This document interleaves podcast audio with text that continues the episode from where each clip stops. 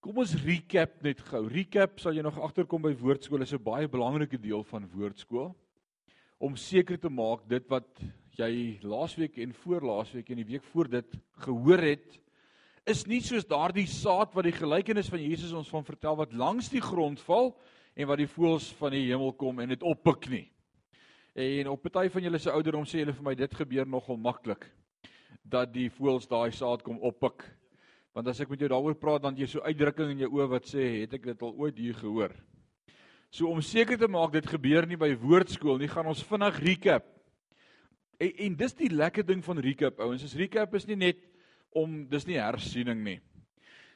Wat gebeur wanneer ek en jy so net so bietjie en en ek wil jou aanmoedig as jy by die huis maak nie saak watter Bybelboek jy vat nie of as jy woordskool doen of Bybelstudie nie, blaai partykeer net so 2, 3 hoofstukke terug en lees net vinnig weer deur waar jy gekom waar jy nou is. Want soos wat elke aand 'n boodskap op sy eie het en is belangrik en dis wat ons vanaand weer gaan sien van hoofstuk 3, hy het 'n betekenis op sy eie. Is dit so fantasties om die groter prentjie te begin raak sien van waar pas hoofstuk 3 nou eintlik in by die groot boodskap.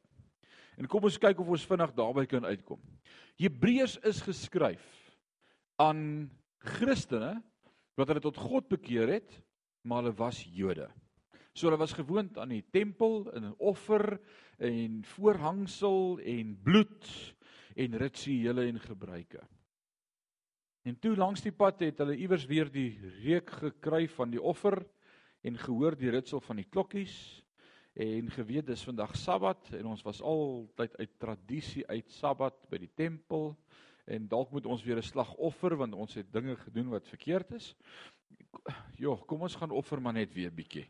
Kom ons gaan besoek net weer daardie ou gebruike en tradisie. Tradisie.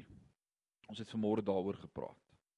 En nou kom die Hebreërs skrywer, so hy skryf hierdie boek uitsluitlik vir Christene wat Jode was en wat weer die pad buiste raak terug na Judaïsme toe. Is dit 'n boek vir ons dag? Ek dink beslis so. Want in ons dag is die boodskap daar buite so vel van doen meer. Dis Christus en Christus en hou die Sabbat. Christus en hou die wet. Christus en en dis presies waarmee hierdie boek deel. So vers 1 van Hebreërs 1 het gekom en gesê nadat God baie keer en op baie maniere in die Ou Testament gespreek het met die vaders deur die profete, het hy hierdie dag gekies om deur sy seun te praat. En ons het gepraat oor al die maniere hoe God deur al die eeue met ons probeer praat het, maar nou sê die Hebreërs skrywer, weet jy wat? Dit gaan nou nie meer oor die profete in Amos en wat sê Jesaja nie.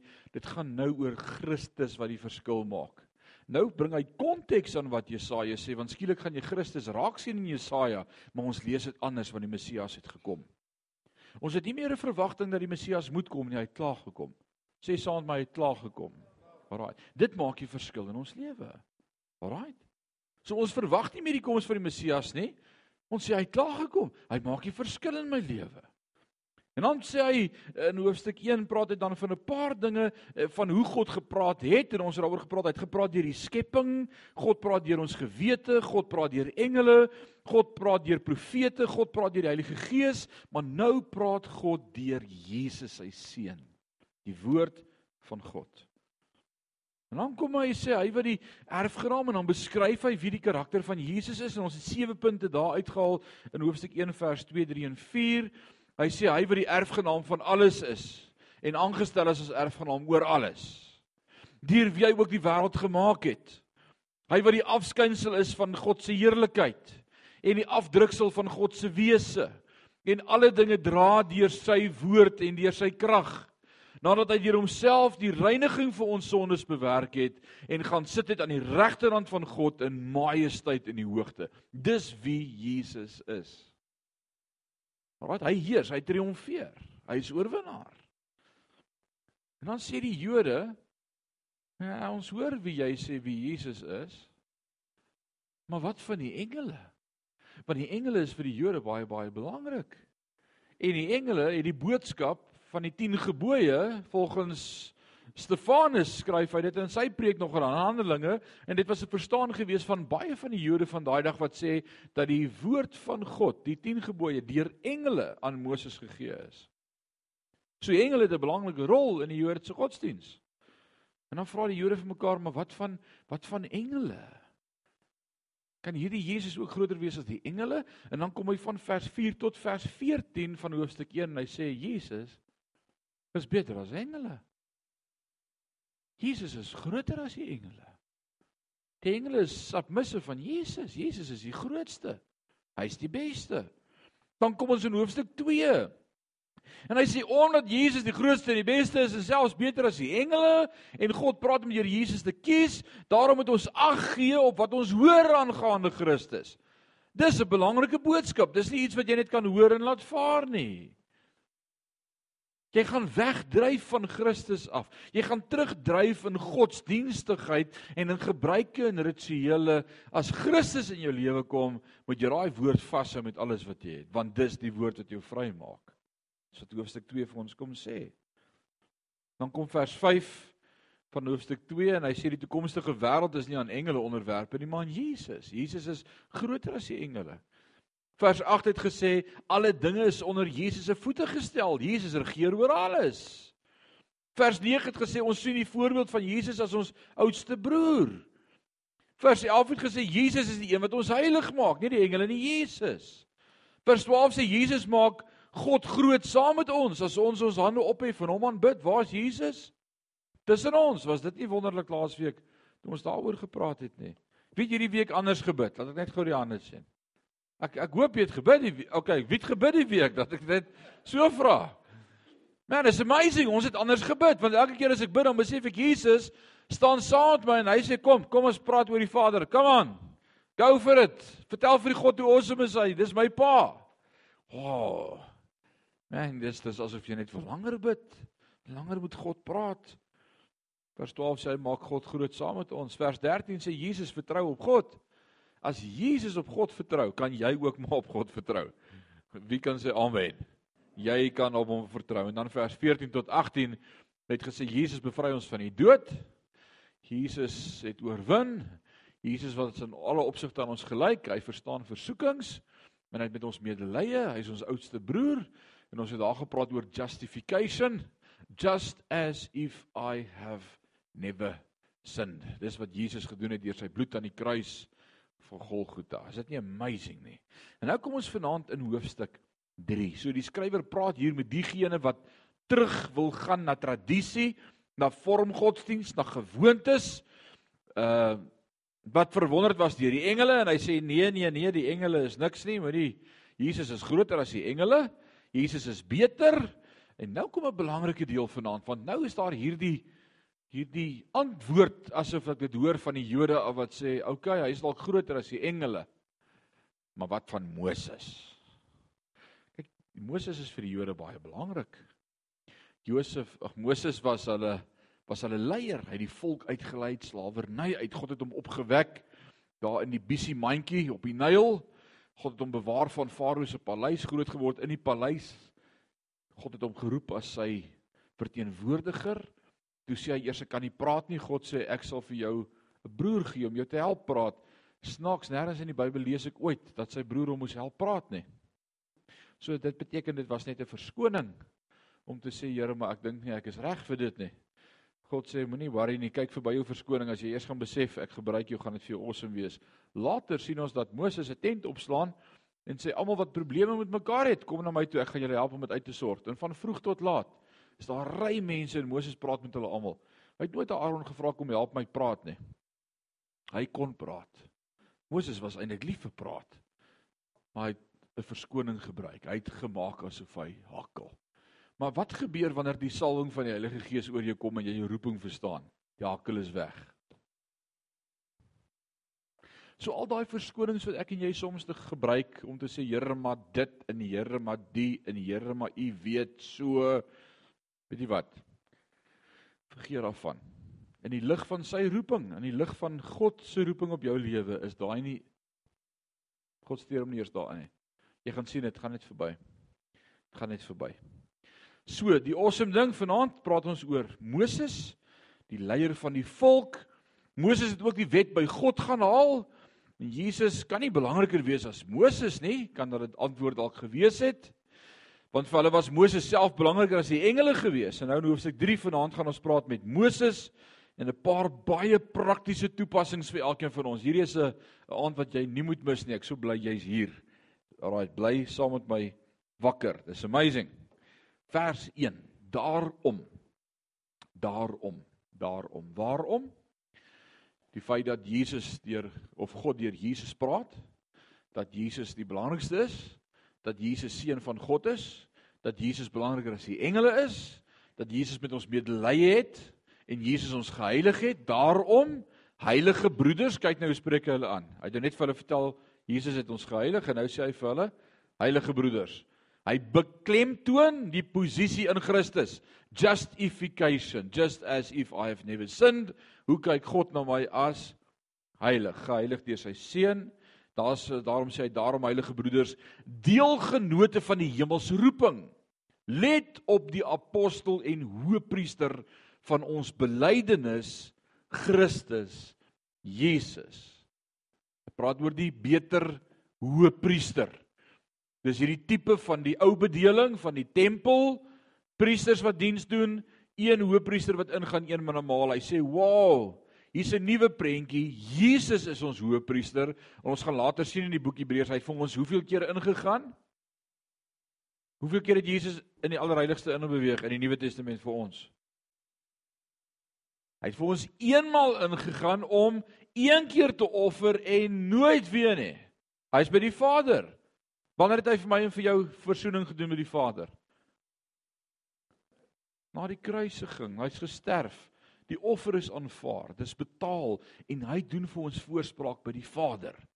Alraai, voordat jy vanmôre jou voet op die grond gesit het, het Jesus vir jou gebid by die Vader en gesê: "Here, ek wil tog net bid vir Justice. Help hom in hierdie dag. Hou hom net lewendig, laat sy vrou nie hom verwrig nie." Alraai, hy hy bid vir elkeen van ons. Hy bid vir elkeen van ons. En dis wonderlik, hy tree vir ons in by die Vader. Nou, hy's die beter hoëpriester van ons belydenis Jesus Christus wat getrou was aan hom wat hom aangestel het.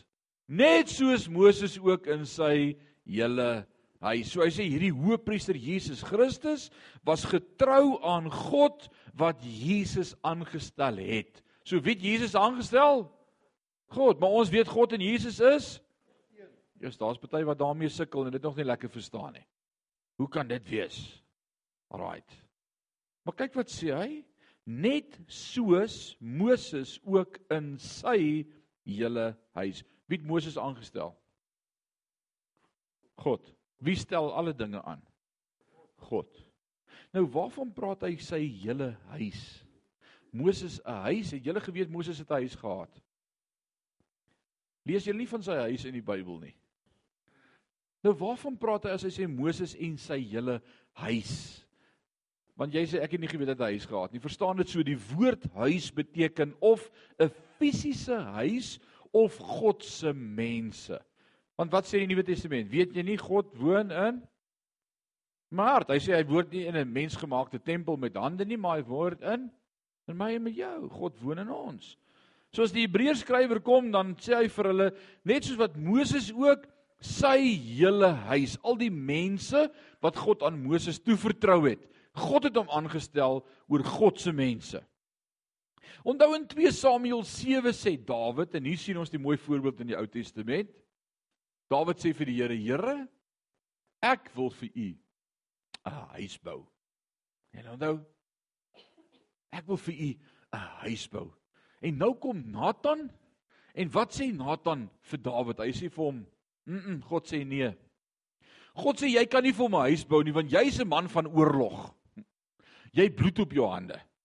Jy wil jy wil doodmaak en en, en jy's heeltemal te te moord lustig vir die Here. Jy jou hande is nie skoon nie. Maar maar die Here sê ek moet vir jou 'n ander ding sê, sê Nathan. God sê jy wil vir hom 'n huis bou. Hy sê moenie jy worry nie. Hy gaan vir jou 'n huis bou. En uit jou nageslag gaan die Messias gebore word. Is dit nie beautiful nie? Dis ek dank die Here daarvoor. Hy sê vanuit jou nageslag gaan die Messias kom. Dawid God sê hy gaan vir jou 'n huis bou. So nou verstaan ons dat die woord huis na albei kan verwys, 'n fisiese huis of ook 'n volk en mense en 'n nageslag. Dis 'n huis. Wat sê Joshua? Hy sê ek en my wat, wat beteken dit ek en my huis? Is dit ek, my vrou en my twee kinders? Baie keer verstaan ons dit so. Maar Joshua is rigter, hy's volksleier en hy sê ek en my huis, dis almal wat God my gegee het, wat saam met my loop, hulle gaan die Here dien. So met ander woorde, as jy vir jou iemand anders kies, dan is jy nie deel van my huis nie. Hierdie is die huis van die Here. Wie behoort almal aan die huis van die Here? Almal wat tot God bekeer het. Anders is jy nie deel van hierdie huis nie. Sion is 'n huis met lidmate. Alraai, so verstaan dit reg. So nou verstaan ons wat die woord huis beteken. Vers 2 sê net soos Moses ook getrou was in sy hele huis. Wie het hom aangestel? God het hom aangestel. Nou lees saam my vanaf vers 3 af. Want hy is meer heerlikheid waardig geag as Moses. Kom ons pos, wie's daai hy van vers 3? Jesus. En ek dink soms moet ek en jy maar ons pen vat en daar inskryf want dis confusing as hy hy en hom hom jy weet naderhand nie meer wie is nou wie moet wat wie praat nie. Want hy dis Jesus is meer heerlikheid waardig geag as Moses na mate hy wat die huis gebou het. Wie's daai hy? Wie die huis gebou? Wie bou die huis Hy sê ek bou my huis en die poorte van die doderyk sal dit nie oorweldig nie. Wie bou? Dis Jesus wat bou. Alraai, Bybelvertalers, julle het 'n fout gemaak. Dit is 'n klein letterry daai. Dit moet 'n hoofletter gewees het. Meer eer het as die huis. Wie was die huis gewees? Die volk van Moses. So hy wat die huis bou, God is eintlik die een wat die huis bou. Is hy moet meer eer kry as net hy wat die huis het. Vers 4 sê want elke huis word deur iemand gebou maar hy wat alle dinge gebou het is God. Hy sê Moses kon net sy volk dalk bou of by mekaar hou of met hulle praat, maar daar's een wat alles bou en dis God. En Moses wat wel getrou in sy hele huis as 'n dienaar om te getuig van wat nog gespreek sou word, maar Christus as seën oor sy huis. En hier kom hy en hy praat oor Moses en sy huis en hy praat oor God en Jesus se posisie in sy huis. Hy sê Moses was leier van sy huis gewees, maar Jesus is skepper van alle dinge en hy bou sy huis. Jesus is die bouer. Moses was net die dienaar. Jesus is die seun oor die huis. Hy is die gesag oor die huis. Moses het gedien, Jesus is die skepper van alle mense. Jesus het almal gemaak en toe vir Moses gesê hier's jou huis, maar hy's die hoogste gesag. Die argitek en die ontwerper en die bouer kry mos meer eer as die huis. Is dit nie so nie? Wie van julle het al bietjie gaan toer oor die wêreld? Dalk daar in Europa, dalk bietjie die res van die wêreld gesien en dan en dan staan jy by dit was my voorreg om in 1989 al Europa te toer en dan staan ons voor daardie kolossale katedrale. En dan staan ek daar en dink Wie kry die eer? Die gebou, sê ek Jesus klippe, julle is daarom awesome mooi. Wow. Of kyk ek na daai siedings wat geverf is in die 1600s en die 1500s dat ek nie weet hoe hulle dit reg gekry nie, nê. Want daar was nog nie skeffels soos ons vandag ken nie. Dan dink ek, hoe het hulle dit reg gekry? Die kunstenaar, die argitektuur, die bouer, die vaardighede. Wow, hulle het daarom awesome gewees. Maar ek sit nie vir die ek sê ek praat nie daarvoor by die voordeur met die kerk en hy sê Jesus, jy's daarom 'n awesome gebou jong. Lag, laat ek jou daarom net so bietjie vryf en sê jy's daarom grand, né? Dit sal dom wees.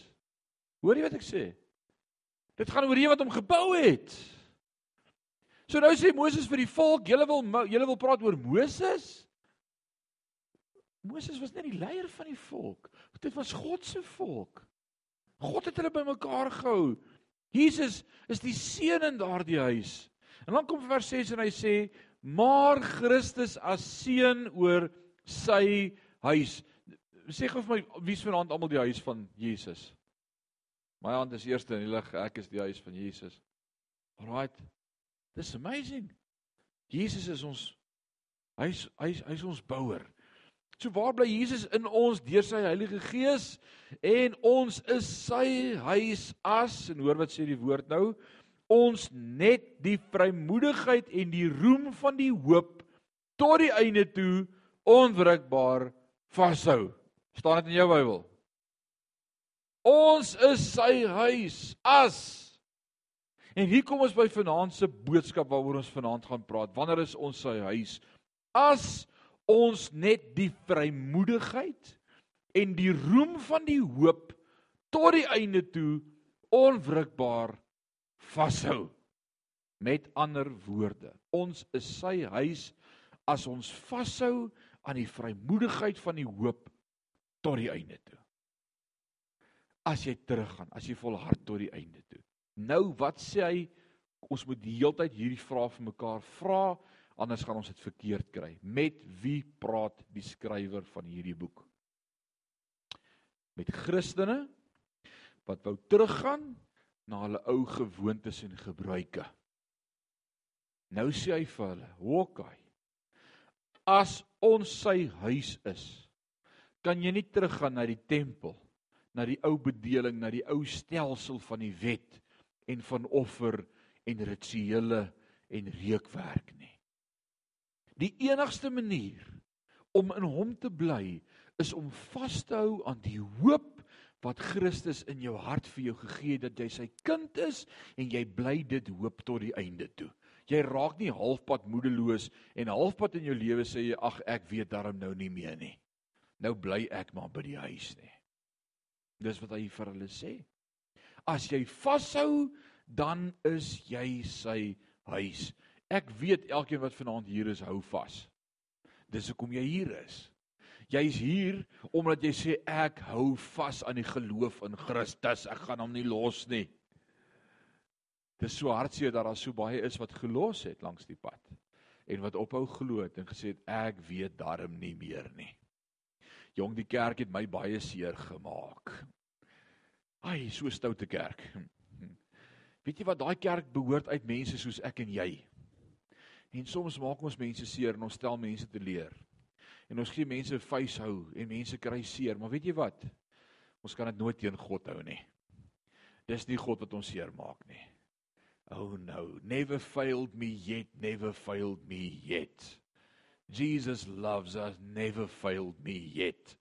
Ja, ek het dalk dinge gesê vir 'n broer of twee in 'n gemeente het vir my kwaad gemaak, maar weet jy wat, dis nie die Here nie. Hy bly getrou tot aan die einde. En as mense eers my sê ja, ek het seer gekry by die kerk of my kerk was vol klomp skyn heilige mense. Ek jammer om dit te hoor. Maar al die kerke is vol skyn heilige mense. Kom staan nie voor dan kyk jy net oor hierdie gehoor. Botter kan nie in julle mond smelt nie. Maar ons het almal issues. En as ons by die kerk is dan sê ons, "Ooh, dis darm nie ek nie." Maar ons het almal issues. Maar God het vir my gesterf aan die kruis vir my issues, met my issues. En hy het my lief soos ek is en hy werk dag na dag met my. En ek is sy kind. En hy hou my vas in die holte van sy hand en hy sê hy is lief vir my. En hy het planne van my van voorspoed en nie van teenspoed nie. Hy het 'n hoopvolle toekoms vir my. Loof die Here daarvoor. Maar die kerk kan jou nie seermaak nie. Mense disappoint, but God never never never. Alraight. So ons is deel van sy huis en nou quoteer hy weer 'n baie belangrike gedeelte in van vers 7 en vir die wat neerskryf, hy quoteer nou Psalm 95 van vers 7 tot 11. Ek het gedink ek moenie vir julle sê wat 'n verse nie, dan kan jy self by die huis gaan soek wat 'n verse, maar dis vers 7 tot 11 van Psalm 95 en dis ook vers 7 tot 11 van Hebreërs hoofstuk 3. Baie interessant hoe die Bybelvertalers hier iets reg gedoen het. Kom ons lees van vers 3 af. Daarom soos die Heilige Gees spreek, vandag as julle sy stem hoor, verhard julle harte nie soos die soos in verbittering. in die dag van die versoeking in die woestyn nie. Waar julle vaders my versoek, my beproef het en my werke 40 jaar lank gesien het. Daarom het ek vertorend geword op daardie geslag en gesê: Altyd dwaal hulle met die hart, maar hulle het my weer nie leer ken nie. Sodat ek in my toorn gesweer het, hulle sal in my rus nie ingaan nie. Wow. Hierdie is 'n verskriklike aantuiging. Alraight. So verstaan dit. Wat het hulle verkeerd gedoen? Hulle het hulle harte verhard. Ek sal dit nie glo nie. Hulle het hulle harte verhard. Verstaan dit, julle vaders nou, dis wat die skrywer vir hulle sê en Moses het nie die beloofde land ingegaan nie. Julle wil so roem op Moses? Julle verstaan die engele is nie groter as Jesus nie, maar nou praat julle van Moses. Het Moses die beloofde land ingegaan? Ek dink dis wat die Hebreërs skrywer nou vir hierdie klomp Hebreërs vra. Regtig, het Moses die beloofde land ingegaan? Wil julle oor Moses praat? Jy het Moses die beloofde land ingegaan. Ah. ah. Hy kon nie die beloofde land ingaan nie. Hulle kon nie God se rus ingaan nie. Kom ek lees vir jou Psalm 95 van vers 7 af, dan sien jy dis dieselfde. Want hy is ons God. En ons is die volk van sy weide en die skape van sy hand. Ag, as julle vandag maar na sy stem wou luister. Verhard julle hart nie soos by Meriba, soos op die dag van Massa in die woestyn nie, waar julle vaders my versoek het, my beproef het. Alhoewel hulle my werk gesien het, 40 jaar het ek 'n afkeer gehad van hierdie geslag en gesê, hulle is 'n volk met 'n dwaalende hart en hulle ken my wee nie sodat ek in my toorn gesweer het waarlik ek sal Hulle sal in my rus nie ingaan nie. Dis fantasties hoe die Ou en die Nuwe Testament bymekaar kom ouens. Dis fenomenaal. Hoe die Nuwe Testamentiese skrywers die Ou Testament uit hulle koppe geken het en quote en konteks bring by dit. Imagine dat die woord van die Here nou hier in die Nuwe Testament Psalm 95 gebruik om vir die Hebreërs te vertel wat gebeur het in die woestyn. Dis beautiful. So wat het gebeur in hierdie gedeelte wat ons nou net van gelees het? Hulle het God versoek. God sê hulle het my versoek. Hulle het teen God gemurmureer. En die storie is van hierdie 40 jaar van die volk in die woestyn. Wat het gebeur? Na 2 jaar in die woestyn kom Israel uiteindelik by die beloofde land aan. Nou hoekom het hulle vir 2 jaar in die woestyn gereis? Want hierdie is omtrent 'n 4 dag reis te voet vanaf Egipte deur die Dooie See op na die beloofde land Kanaan. Alraight, tot by die see. Ag, wat is daardie rivier waardeur hulle moes gaan? Die Jordaan. Alraight. 4 dag reis. Hoekom vat dit God se volk 2 jaar om van Egipte af tot by die beloofde land te kom? Hoekom dink julle? God wou met hulle praat. God wou hulle leer. God het vir hulle sy wet gegee. God het vir hulle Eksodus 15 tot 22 die tabernakel gegee, die tent van samekoms wat hulle moes saamdra. God wou vir hulle orde gee. Hy wou vir hulle leier gee, hy wou hulle gewoond maak aan hiërargie. Daar was die volke met verskillende verantwoordelikhede. God wou hulle leer om hom te vertrou. Hy het elke dag vir hulle die vuurkolom en die wolkkolom voorsien. Elke dag in daardie warm woestyn was die wolk van God wat koelte gebring het teen die hitte. En elke aand was daar 'n vuurkolom om warmte te bring in die woestyn in die nag. Elke dag was daar vars manna en kwartels. God het water uit die klip voorsien. God het geantwoord. Hulle moes God vertrou. En na 2 jaar se journey kom hulle by die beloofde land en die woord van die Here sê Moses stuur 12 verspieders. En hy sê gaan kyk of die land reg is vir ons om in besit te neem. 12 verspieders gaan daardeur die Jordaan. Dink hulle het geswem, hulle het nie geweet of daar krokodille is nie. Hulle gaan deur die Jordaan, kruip in die land rond, besoek die land, kyk na alles, kom weer terug. Wat se terugvoer gee hulle aan die volk? Hulle sê, "Wow, dis 'n mooi land." Dis huge. Die drywe is so groot soos Tempenbos, nee, so groot soos tennisballe. Huge drywe korrels, twee manne moet dit op 'n stok dra. Dis 'n verskriklike land, melk en honing en oorvloed. Dis 'n beautiful land. Maar 10 sê, maar ons is so sprinkane in hulle oë. Ons gaan nie hierdie land in besit kan neem nie. Hulle gaan vir ons doodmaak. En 2 Wat was hulle naam gewees? Joshua en Caleb, daar was 'n ander gees in hulle. Wat sê hulle?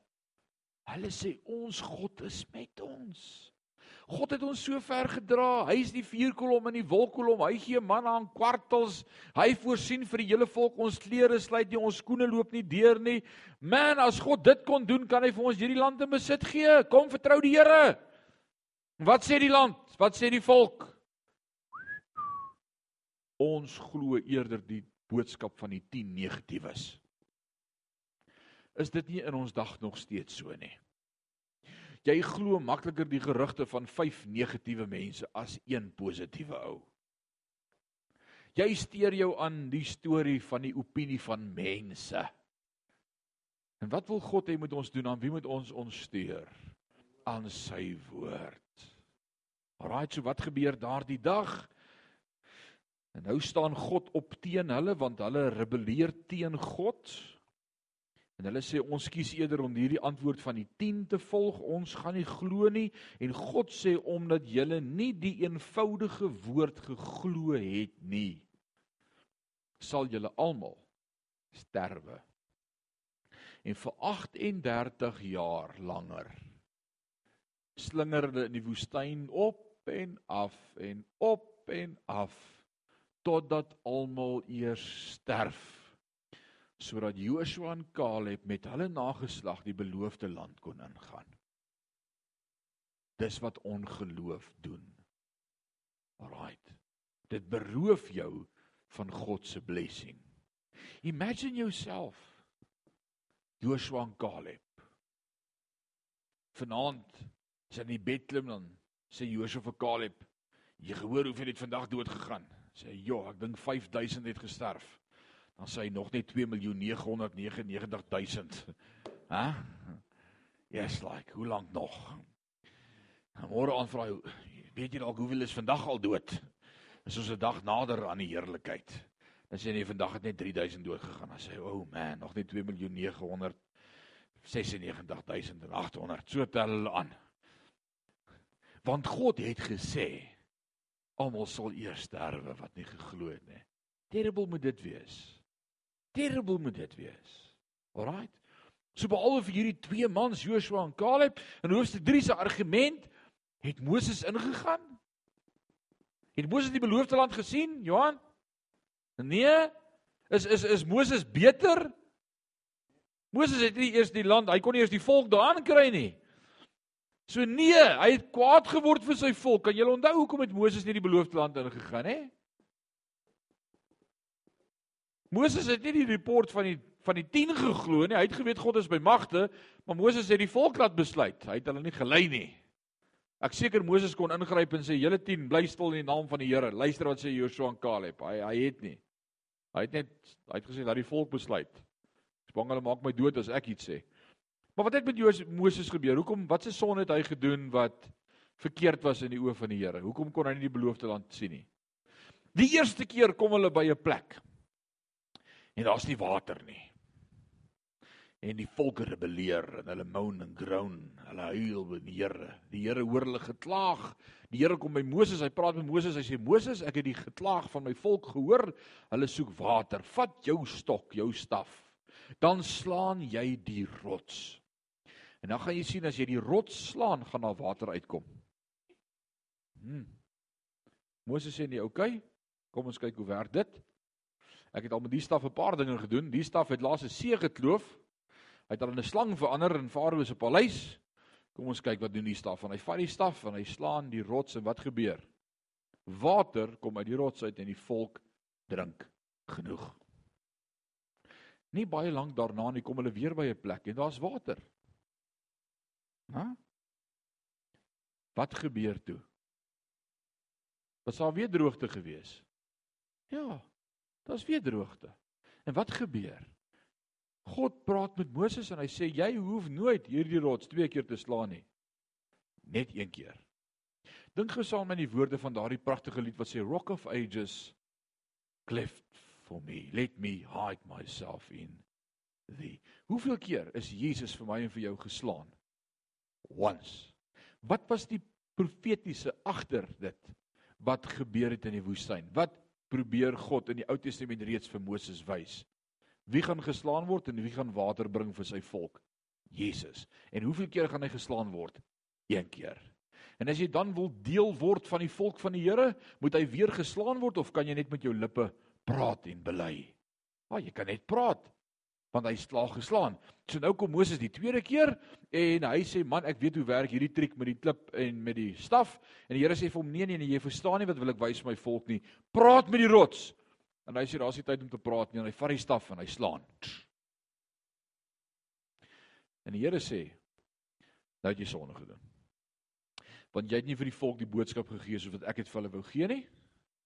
Jy het kwaad geword vir die volk en dis my volk. Jy word nie kwaad vir my volk nie. Ek word kwaad as ek wil kwaad word. Maar jy's die leier. Jy het my gemis verteenwoordig.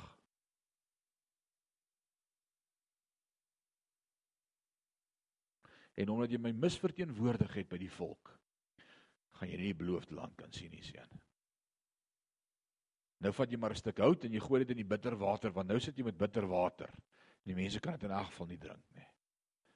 Daai plek se naam was Mara van weer die bitter water. Wat leer God ons deur die Ou Testament?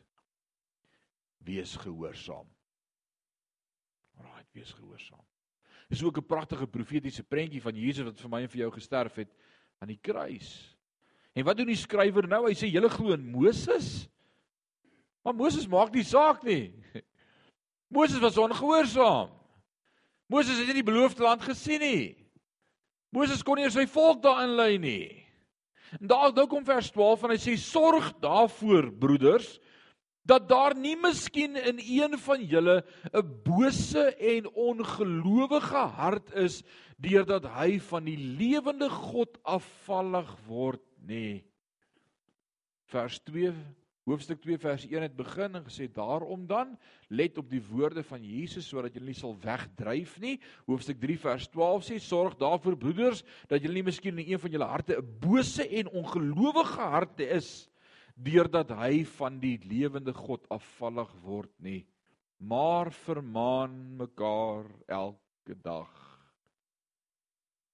Dis my voorreg om hier voor te staan en julle te vermaan Dis 'n werk die Here roep ons om dit te doen Hy roep my nie net om dit met jou te doen nie hy roep julle om dit met mekaar te doen Hy sê maar vermaan mekaar elke dag Wanneer laas het jy is jy vermaan of het jy iemand vermaan Die woord sê elke dag sê saam met my elke dag.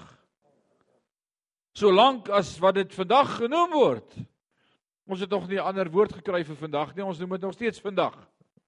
Solank as wat vandag vandag genoem word, elke dag vermaan mekaar sodat niemand sê saam met my niemand van julle deur die verleiding van die sonde verhard word nie.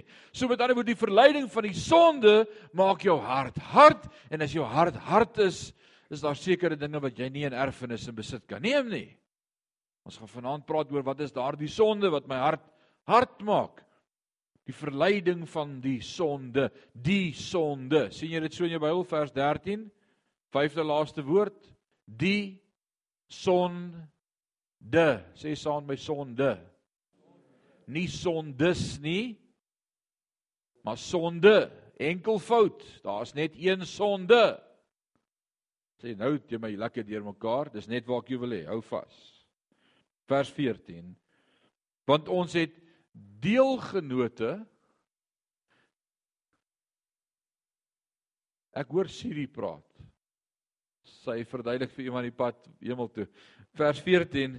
Want ons het deelgenote van Christus geword as ons net die begin van ons vertroue tot die einde toe onwrikbaar vashou. Omdat daar gesê word Vandag as julle my stem hoor, verhard julle harte nie soos in die verbittering nie. Wat hoe het hulle harte verhard? Hulle het gesê ons is so sprinkane, ons kan nie.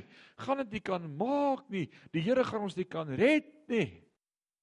Right, vers 16. Wie was dit dan wat gehoor het en hom verbitter het?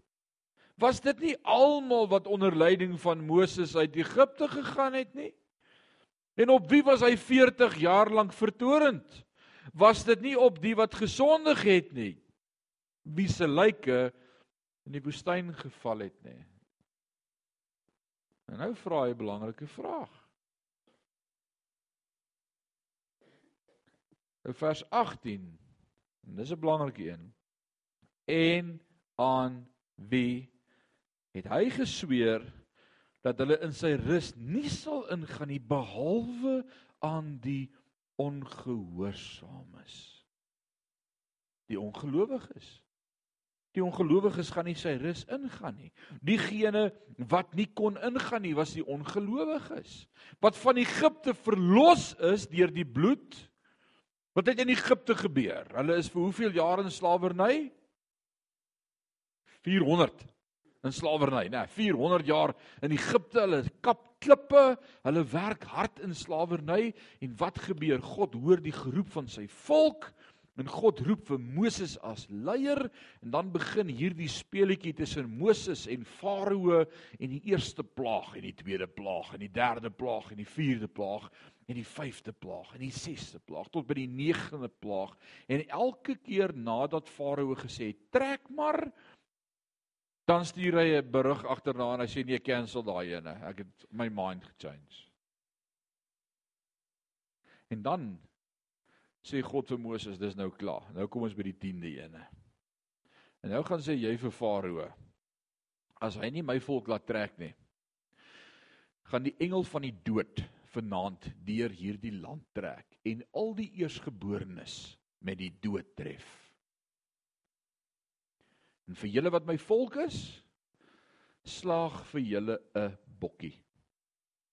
Dan vat julle daai bokkie en julle maak hom gaar Jy hou die bloed van daardie bokkie eenkant en jy vat 'n hyssop takkie en jy vat daai bloed en jy stryk dit aan die deurpos op 'n spesifieke manier. Bo en aan die kante. En dan maak jy die deur toe en jy en jou huis eet die hele lam. 'n Lam vir 'n huisgesin. Maar dit moet 'n volmaakte lam wees sonder gebrek, die paasofferlam.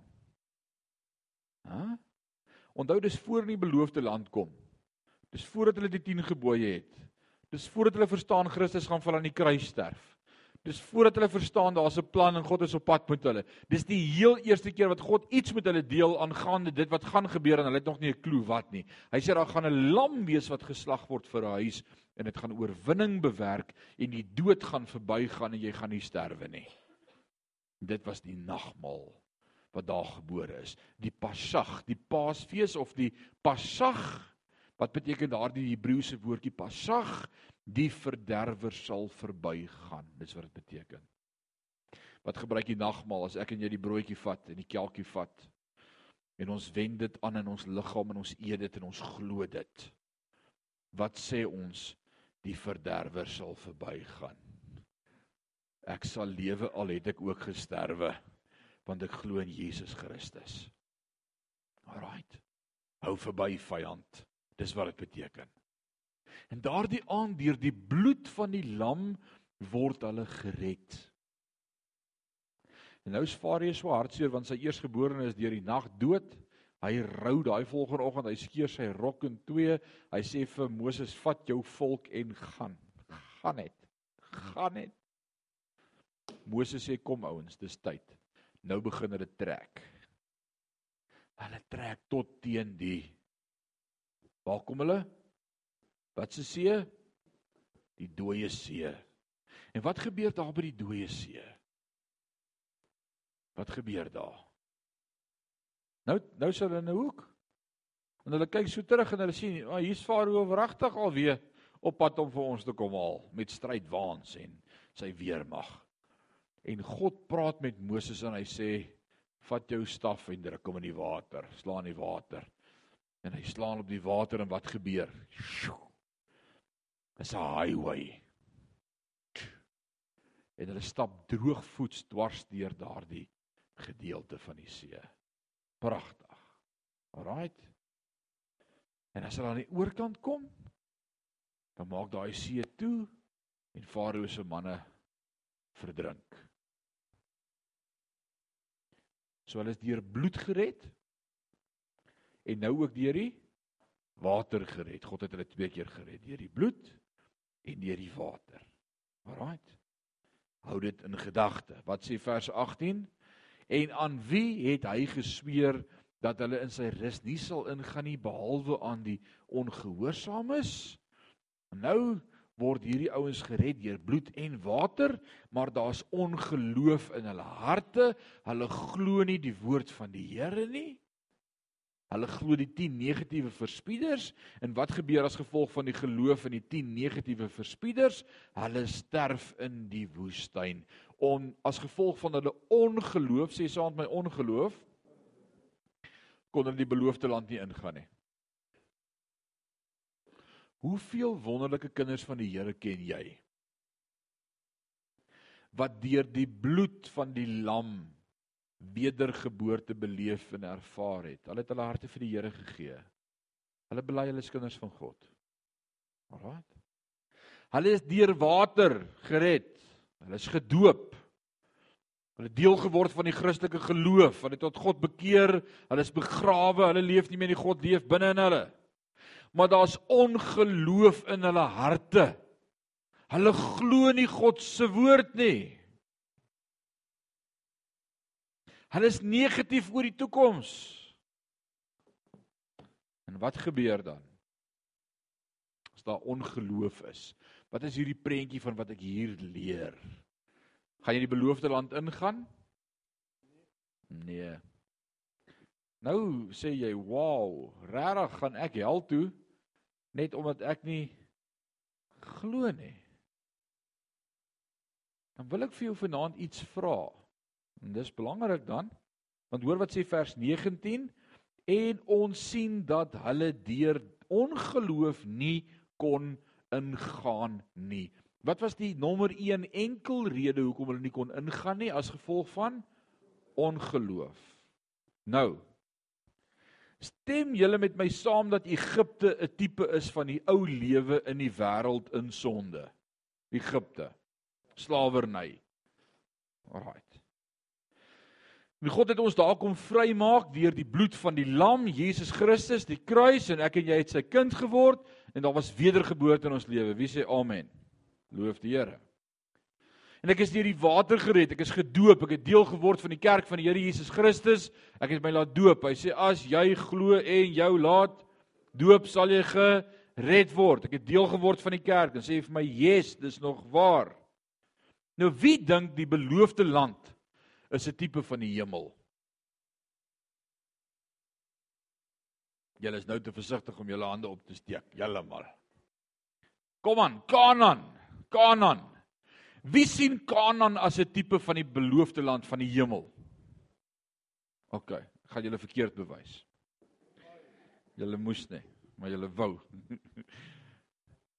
Kom ek help jou vanaand daarmee. Kom ek help jou. Daar's twee keer wat ek en jy deur water gaan. En water is altyd 'n tipe van doop of doop altyd 'n tipe van water, net soos ons deur die dooie see moes gaan of deur die Rooi See, sê ek dooie see, deur die Rooi See moes gaan. So beteken dit die doop, die eerste doop en dan moes ons deur 'n tweede rivier gaan om in die beloofde land te kom. Wat was die tweede rivier se naam? Kanaan. Is daar twee dope in my lewe as kind van God in my verhouding met God en my wandel met God? Ja, daar's die doop met water en daar's ook die doop met die Heilige Gees. En as ek op die plek wil kom in die land Kanaan wat ek in besit moet neem, dan het ek God se krag nodig en sy Heilige Gees nodig. En ek gaan dit nooit in besit kan neem in my eie nie. Met ander woorde, daar moet wedergeboorte gewees het, die bloed daar moes doop gewees het, my verhouding met God het begin en dan moes die doping met die Heilige Gees beweeg het gewees het in my lewe sodat ek die beloofde land in besit kan neem. Hoekom sê ek Kanaan is nie 'n tipe van die hemel nie? Want in Kanaan was daar reuse. En in die hemel gaan daar nie reuse wees nie. In Kanaan was daar oorloë om te veg. En in die hemel gaan ek en jy nie meer oorloë veg nie. In Kanaan was daar volke gewees wat hulle wou doodmaak. In die hemel gaan daar nie volke wees wat vir my en jou wil doodmaak nie. Kanaan is nie 'n tipe van die hemel nie, maar 'n tipe van 'n plek wat ek en jy as kind van God by kan aankom in ons lewe en 'n lewe van oorwinning en oorvloed kan geniet. Ja, daar's oorloë om te veg, maar groter is hy wat in my is as hy wat in die wêreld is. Ja, daar's 'n Jerigo met groot mure, maar as ek gehoorsaam is aan die woord van die Here, stap ek om daai mure met aanbidding en in een oomblik bring God hulle af. Ek hoef niks te doen nie. Ja, daar's volke wat teen jou wil kom en opstaan, maar die woord van die Here sê, na jou toe sal dit nie aankom nie. In een oomblik sal God hulle uitsort. Dis 'n plek in my en jou lewe van oorwinning, Kanaan. Vanaand die hartseer is dat so min van ons al in Kanaan aangekom het. Jy sê vanaand vir my ek is al vir 40 jaar in die woestyn. Ja, ek het my tot God bekeer. Ja, ek is deur die doop. Ja, ek is 'n kind van God. Ja, ek beleef die koelte in die woestyn, maar soms raak die sand lekker warm hier langs ons. Ja, ek beleef die vuurkolom in die aand, maar soms raak dit lekker koud. Soms is ek onder die vuurkolom uit. Het jy al gedink hoe kry God 3 miljoen Jode aan die beweeg in die woestyn? Het jy al daaraan gedink? Hoe kry God 3 miljoen Jode aan die beweeg? En daar was baie vrouens van hulle, né? Nou, hoe kry God hulle aan die beweeg? Dis eintlik baie maklik, jy beweeg die wolk. Wanneer is so warm, warm as die wolk bo kan jou gee pad, jy begin move. Alraight. As jy voel dit raak warm om jou, move. Dis dit, dis maklik. So dalk voel jy vanaand in my lewe dit raak soms ook warm om my. En wat doen ek en jy as dit warm raak om ons? Ons gaan terug na die woord en ons move. Is dit nie wat ons doen nie? Maar is dit 'n lewe van oorwinning? Is dit 'n lewe van Kanaan? Is dit die lewe van melk en honing wat God wil hê ons moet hê? Sê nee. Ek wil net hemel toe gaan. Ek wil by die huis wees. Dis hel op aarde. Ek wil nie so lewe nie. Vir 40 jaar is dit net struikelblokke en hindernisse en skerpioene in die woestyn en ons eet dieselfde kos elke dag, manna en kwartels en ek is nou tot hier toe vir manna en kwartels. Mens kan net soveel inkry in jou lewe. En vir hierdie klere, ek is nou 'n bietjie lus vir iets anders, maar ek het nie geld vir iets anders nie, want ek sit waar ek sit. En dalk sê jy vanaand, "Man, dis my lewe. Dis dis waar ek is." Dan wil ek vanaand vir jou sê jy's nog in die woestyn. Maar ek wil vanaand vir jou iets wys van hoekom mense in 'n woestyn bly. Daar's net een rede hoekom God die Jode in die woestyn laat bly het. Want hulle het God se woord nie geglo nie. Hulle het nie geglo as God sê ek is met jou dat hy met hulle is nie. Hulle het nie geglo as God sê ek sal jou nooit begewe en jou nooit verlaat nie dat hy dit sou doen nie daar was twyfel. En die enigste nommer 1 en enkel rede waarom mense 'n heerlikheid of 'n lewe van oorwinning en oorvloed in hierdie wêreld mis is as gevolg van ongeloof. Nou sê vir my vanaand dis ongelooflik. Ja. Dis ongelooflik. Jesus kom en dan doen hy wonderwerke in die Nuwe Testament. En dan vra hy vir die vrou, "Wat wil jy hê moet ek vir jou doen?" Praat met die twee Joodjies wat blind was, dan vra hy, "Wat wil ek hê? Wat wil julle hê moet ek vir julle doen?" Hy praat met die melaatses dan vra hy wat wil julle hê moet ek vir julle doen? En wat sê Jesus elke keer? Laat dit vir julle wees volgens julle geloof. En ek wil vanaand vir jou sê kind van God. Jy sit dalk nog in die woestyn. En jy's op en af oor klippe. Jy sing dalk vanaand Albertus dra sal dale. En ek is op en af en is klippe en ek's deur droë rivier loop en dis warm en daar's skerpioene. En ek weet nie of ons ooit daar gaan aankom nie. Ek wil vanaand vir jou sê, daar's net een rede wat jou hou waar jy is. En dis ongeloof. Daar moet 'n punt in jou lewe kom wat jy sê God said it. And that settles it. Die probleem is Kom ons praat oor ongeloof. Kom ons praat oor ongeloof. Want die duiwel kom en dan saai hy twyfel in ons harte. God sê ek is sy kind. Die duiwel sê is jy regtig God se kind? Ek sê so, ek weet nie of ek God se kind is nie. Daar's twyfel in my hart. Ek bly in die woestyn. Ja, jy's God se kind.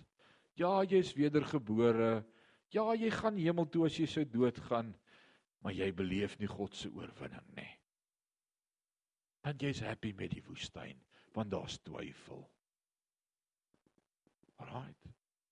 God sê vertrou my, ek trek voor jou uit, ek maak jou paai gelyk. Sê Here, jy ken nie my vrou en haar familie nie. Ek weet nie hoe gaan ek hier uitkom nie.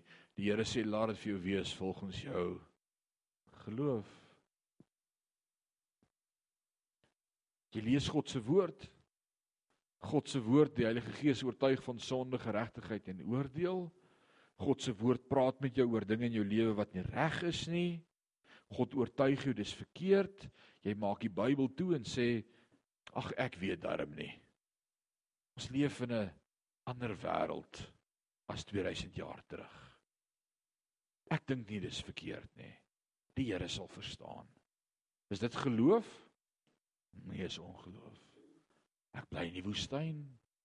Ek het nie oorvloed nie. God se woord sê sny die woord reguit. Glo alles of glo niks. En ek en jy glo selektief net hier en daar. Bietjie hiervan en bietjie daarvan. Ouens, ek wil vanaand vir jou sê of jy glo alles in die woord van God of jy glo niks.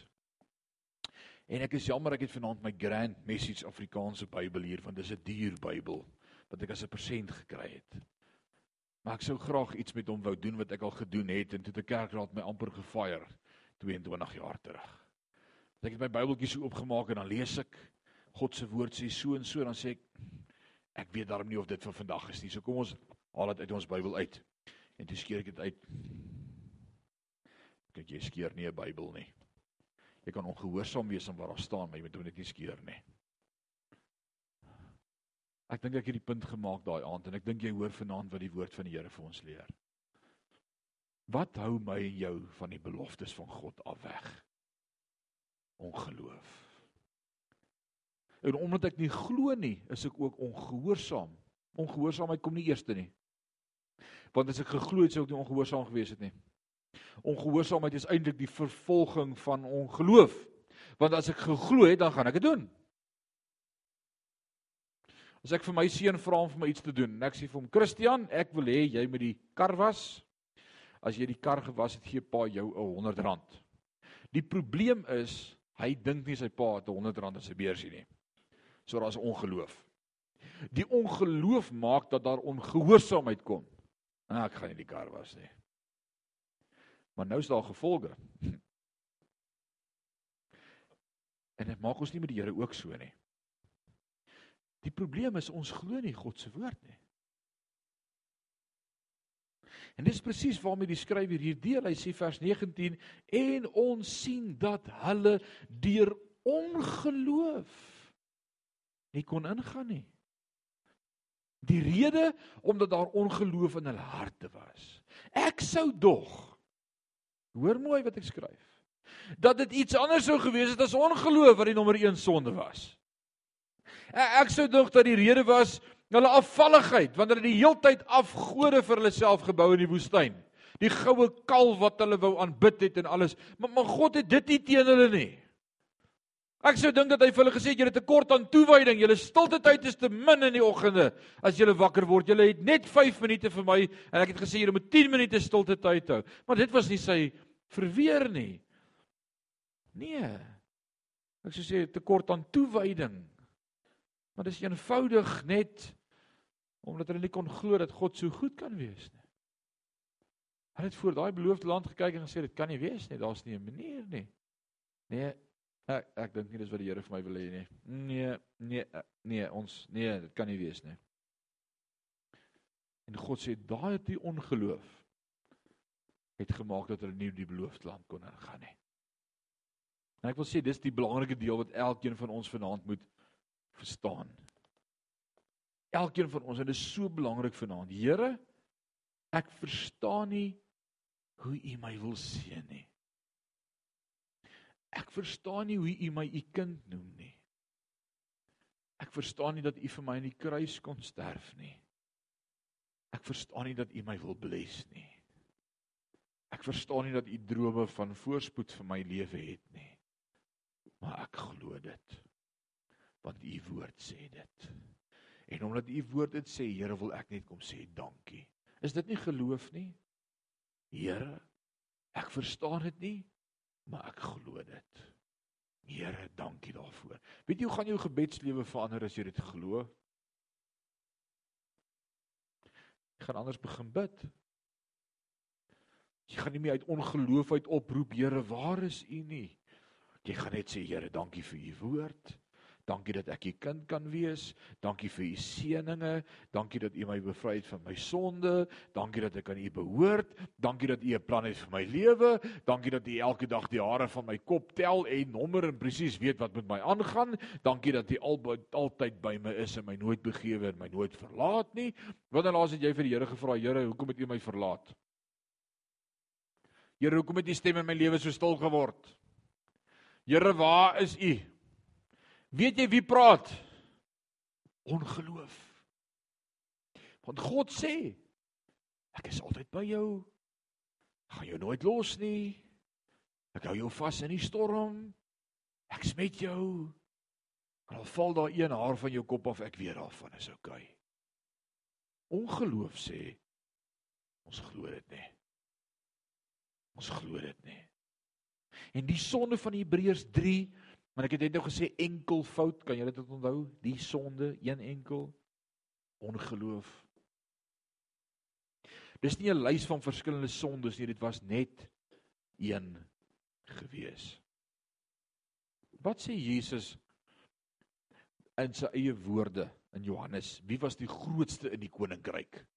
En voor hom was daar nie 'n groter een gewees nie. Van wie praat Jesus? Kan julle onthou toe hy dit gesê het? Hy praat van Johannes die Doper. Wat 'n wonderwerk het Johannes die Doper gedoen? Wat 'n wonderwerk het Johannes die Doper gedoen? Het hy dooies opgewek? Het hy water uit die klip laat kom? Het hy siekes gesond gemaak? Wat het Johannes gedoen? Johan het geglo. Toe hy die seun van die mens sien stap, toe sê hy: "Daar is die lam van God wat die sonde van hierdie wêreld op hom sal dra. Daar sê hy, daar sê hy. Kyk, dis hy." Die Jesus by hom kom en sê: "Doop my." Toe sê "Here, ek kan nie nie doop nie. Jy moet my eintlik doop." Dis die Here doop my. Toe sê "Here, dit moet so wees." Dis reg. Daar was geloof in sy hart. In Matteus hoofstuk 17. Ja. Word Johannes die Doper onthoof. Hy sit in die tronk en hy stuur van sy disippels na Jesus toe en hy sê gaan vra vir Jesus of hy die een is wat sou kom. Eintlik twyfel hy nie in sy hart nie. Eintlik herinner hy nie die Here aan sy woord. Want hy sê gaan vra bietjie gaan lees dit van daar is so pragtig. Hy sê gaan vra vir hom of hy die een is wat sou kom om siekes gesond te maak, om blindes se oë oop te maak, om vrylating te bring vir die wat in die gevangenis is. Sê net vir hom ek sit in die gevangenis asseblief. Ek dink hy het vergeet hoekom het hy gekom. Dis eintlik wat Johannes doen. En dan wat antwoord Jesus hom? Hy sê gaan terug en sê vir Johannes wat sien julle? Sê vir hom dat julle sien ek maak siekes gesond en die blindes se oë het oopgegaan en ek het vir... Maar wat sê hy van vrylating vir die gevangenes? Jesus skiep dit. Jesus skiep dit. Hy sê Johannes, alhoewel jy geglo het, is daar iets wat jy nie verstaan het nie. Ek het nie gekom om jou uit die tronk te haal nie, ek het gekom om mense uit hulle geestelike tronke te bevry. Ek moet eers sterf. Ek moet eers sterf voordat dit kan gebeur om hulle los te maak van geestelike tronke. Wow. Geloof. Geloof. En as julle my nie stop nie, preek ek tot volgende Sondag toe. Ek glo dit. Ek weet nie of julle dit glo nie. Johan ons bid. En as jy vanaand ongeloof het in jou hart, dan moet jy dit bely. Daar's net een manier om van jou sonde vergewe te word en dis om dit te bely. En Jesus het klaar kom sterf aan die kruis. Dis die awesome nuus. Ek het vir jou goeie nuus vanaand. Hy het jou vergewe van alle sonde en ongeregtigheid. En selfs van jou ongeloof kan hy jou red vanaand. En dalk moet jy vanaand eerlik wees. En ek dink Jacques sit vir ons net so 'n stukkie musiek op agtergrondmusiek. En kom ons maak gou net ons oë toe. Saamper klaar. Maak net jou oë toe vir 'n oomblik dat elkeen net met die Here connect en met hom praat vanaand. En dan wil ek jou vra vanaand as daar in jou lewe en jou hart ongeloof was oor iets wat die Here wou doen, iets wat die Here vir jou gesê het, iets wat jy nie glo nie. Dalk 'n opdrag uit God se woord het wat jy gesê het, ag, ek weet nie of dit so kan wees nie. En vanaand besef jy daar's ongeloof in my lewe en ek moet dit aanspreek. Ek wil dit vanaand bely en ek wil sê Here maak my vry van my ongeloof sodat ek ook 'n lewe van oorvloed in Kanaan kan beleef. Dan wil ek vir jou vra staan gou op jou voete. Niemand kyk vir jou nie. Dis net jy en die Here. Dis mos dis 'n saak tussen jou en die Here. Daar's soveel wat wil staan. Wat sê ek ek weet vanaand. Daar's ongeloof in my lewe. Here, ek wil vanaand sê help my met my ongeloof dat ek 'n lewe van oorwinning sal lewe om die volheid van God te beleef en te ervaar. En as jy opstaan, maak jy oop toe nog steeds en steek jou hand dalk in die lug, begin net met die Here praat daar waar jy is en sê Here, skuis dat ek op hom glo het. Skuis dat ek toegelaat het dat daar dinge in my lewe is wat ek gedink het onmoontlik is. Skuis dat ek gedink het dit is te groot vir U. Skuis dat ek gedink het U wil dit nie doen nie. Skuis dat ek begin glo het wat almal om my sê en Here, sorry. Maar ek weet wat U woord my leer. Vergewe my ongeloof. Vergewe my ongeloof. Here wil hê dat jy ook 'n lewe van oorvloed sal beleef op hierdie aarde. Glo God se woord. Glo God se woord. Pas op dat die duiwel nie kom twyfel saai by jou nie. Van die begin af was dit sy plan. Hy het vir Eva gesê, "Het God regtig gesê?" Twyfel, twyfel, twyfel. Vanaand kom ons teen daai twyfel op in die naam van die Here. Here, ek wil vanaand bid vir elkeen wat staan vir elkeen wat staan en sê Vader daar's ongeloof in ons harte wat ons toegelaat het dat ons geloof in U kom steel en dit het ook die plan van God in ons lewe kom steel en verongeluk en dit maak dat ons nie op die plek kan wees van oorvloed en oorwinning nie. Here ek wil vanaand teen elke gees van ongeloof kom in die naam van Jesus. Ek wil vanaand kom teen elke duister stem wat inwerk in ons lewens wat vir ons kom vertel God kan nie en God wil nie en God sal nie en God gaan nie. In die naam van Jesus wil ek vanaand oorwinning en lewe spreek. In die naam van Jesus spreek ek vanaand genesing. In die naam van Jesus spreek ek vanaand vrymaking. In die naam van Jesus spreek ek vanaand lewe. In die naam van Jesus spreek ek vanaand oorwinning. Verhoudings wat herstel in Jesus naam. Dankie Vader, u woord sê dit sal so wees. En ons glo dit. Ek wil bid stir up the gift of the Holy Spirit this evening, Father God. Stir up the gift of faith in our hearts that we will believe the word of God as it is written. As it is in heaven, so be it on earth. Here ek wil vanaand bid bring geloof in elkeen se harte sodat in ons ons lewe ook die oorwinning mag beleef van Kanaan. Oorwinning op oorwinning op oorwinning op oorwinning op oorwinning op oorwinning op oorwinning gee ons ons joy terug. Oh restore unto us a spirit a spirit of righteousness Father God. Dankie Vader ons eer U daarvoor. U doen dit in Jesus naam en ons gee die lof en die eer en die aanbidding daarvoor. Dankie dat U ons lei na 'n plek van oorwinning. Na oorwinning. Na oorwinning. Na oorwinning. Na oorwinning. In Jesus naam spreek ons vanaand lewe en ons eer U daarvoor. En sê ons sê amen en amen. Loof die Here. Mag jy in hierdie week God se oorwinning in jou lewe beleef. Mag dit vir jou werklikheid word. Die Here bless julle. Gaan asseblief huis toe anders moet ek aangaan. Amen.